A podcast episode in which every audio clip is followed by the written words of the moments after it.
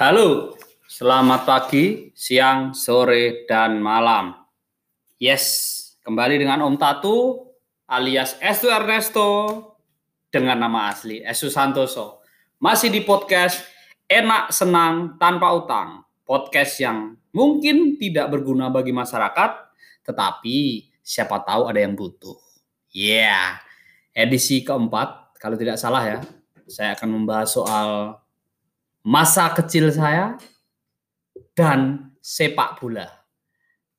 Yang sesi pertama ketika saya jadi fans cilik, yang kedua ketika jadi pemain junior Tarkam. Yes. Nah, saya mulai ketika tahun 80 uh, eh, berapa ya? 6 kalau nggak salah. Kalau nggak salah 86.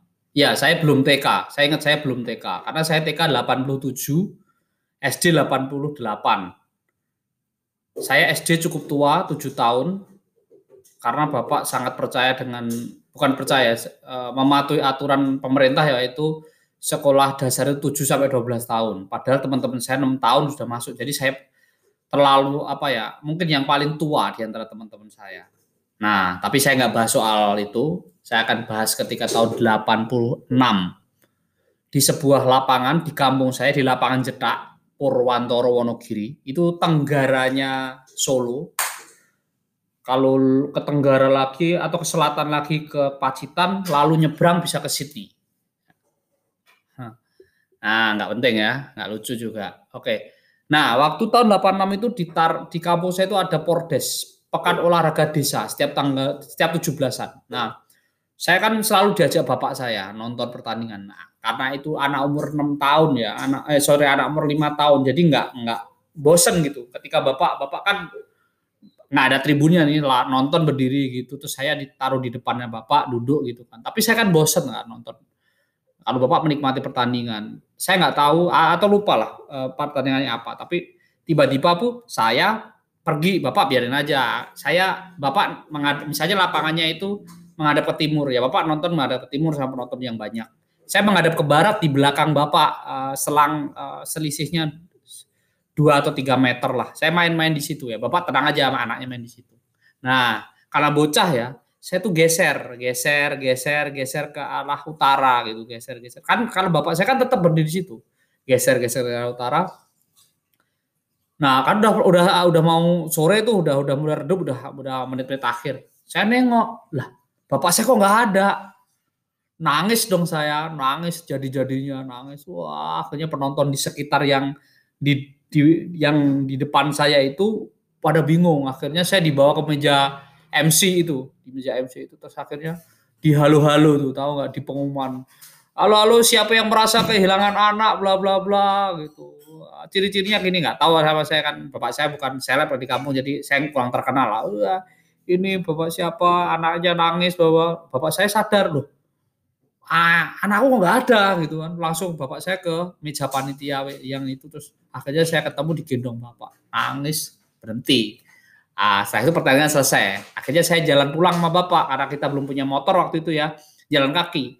Dari lapangan itu ke rumah saya itu hampir satu kilo lah. Ya enggak lebih satu satu kilo. Jadi kita jalan kaki sepanjang jalan dari lapangan sampai rumah saya di pinggir jalan semua orang itu semua orang uh, berceloteh. Ya ampun ketemu akhirnya tadi hilang bla bla. Itu dari itu itu masih saya ingat banget itu dari lapangan sampai rumah saya itu semua orang sepanjang jalan itu apa namanya merasa prihatin dan eh, berceloteh. Wah tadi anak ini hilang bla bla bla. Itu sampai besok paginya cerita saya hilang di halo-halo di lapangan itu gempar luar biasa itu itu pengalaman yang sangat menyenangkan menurut saya. Nah, itu baru satu. Yang kedua, saya ketika SMP, kalau tidak kalau nggak SMP SD kelas 6 lah. Saya udah main bola. Oh, sorry SMP kelas 1.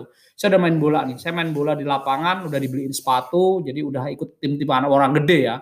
Tapi saya kan masih masih Joko Imbo lah. Jadi jadi kalau kurang baru boleh main. Tapi dari latihan segala macam, pemanasan, lari-lari, jogging itu udah ikut.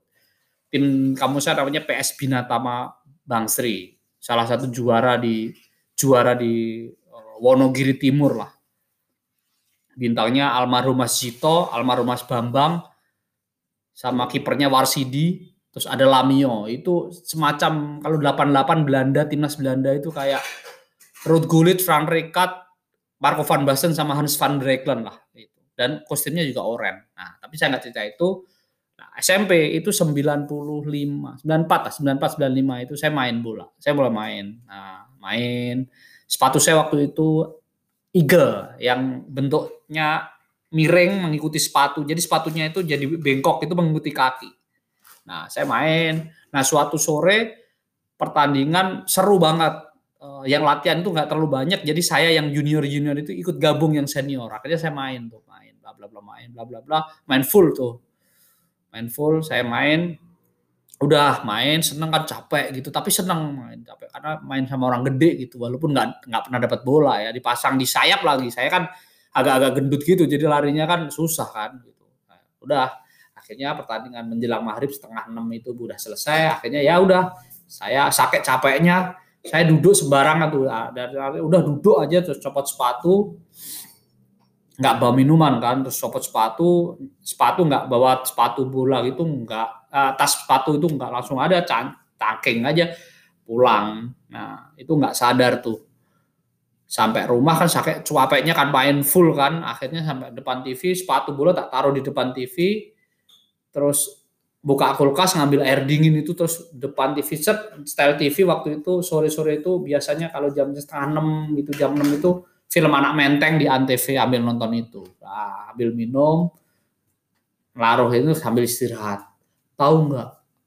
Dari celana saya itu keluar ular coy. Ular sawah coy yang segede.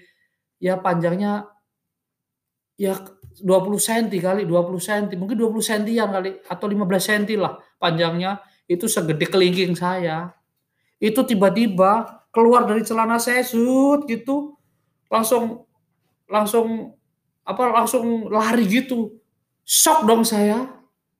Berarti itu ular dari salapangan di di lapangan jetak yang jaraknya satu setengah kilo itu ngendon di dalam celana dalam saya dong tapi itu ular sawah yang nggak gigit, yang nggak banyak. Tapi namanya ular coy binatang. Ditaruh di alat vital situ. Bayangin, lu bayangin.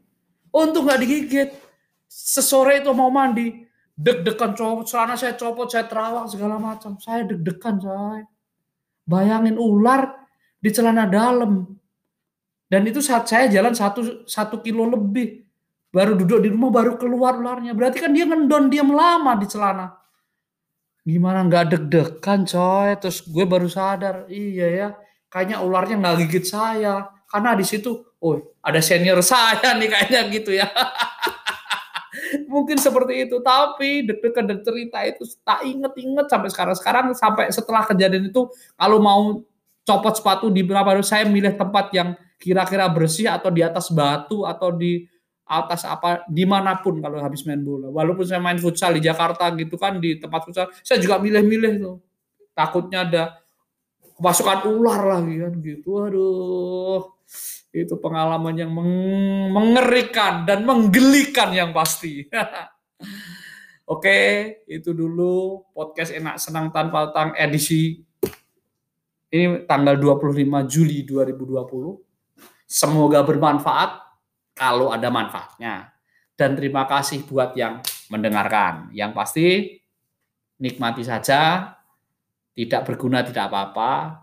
Yang mendengarkan kamsia. Oke, semoga surga.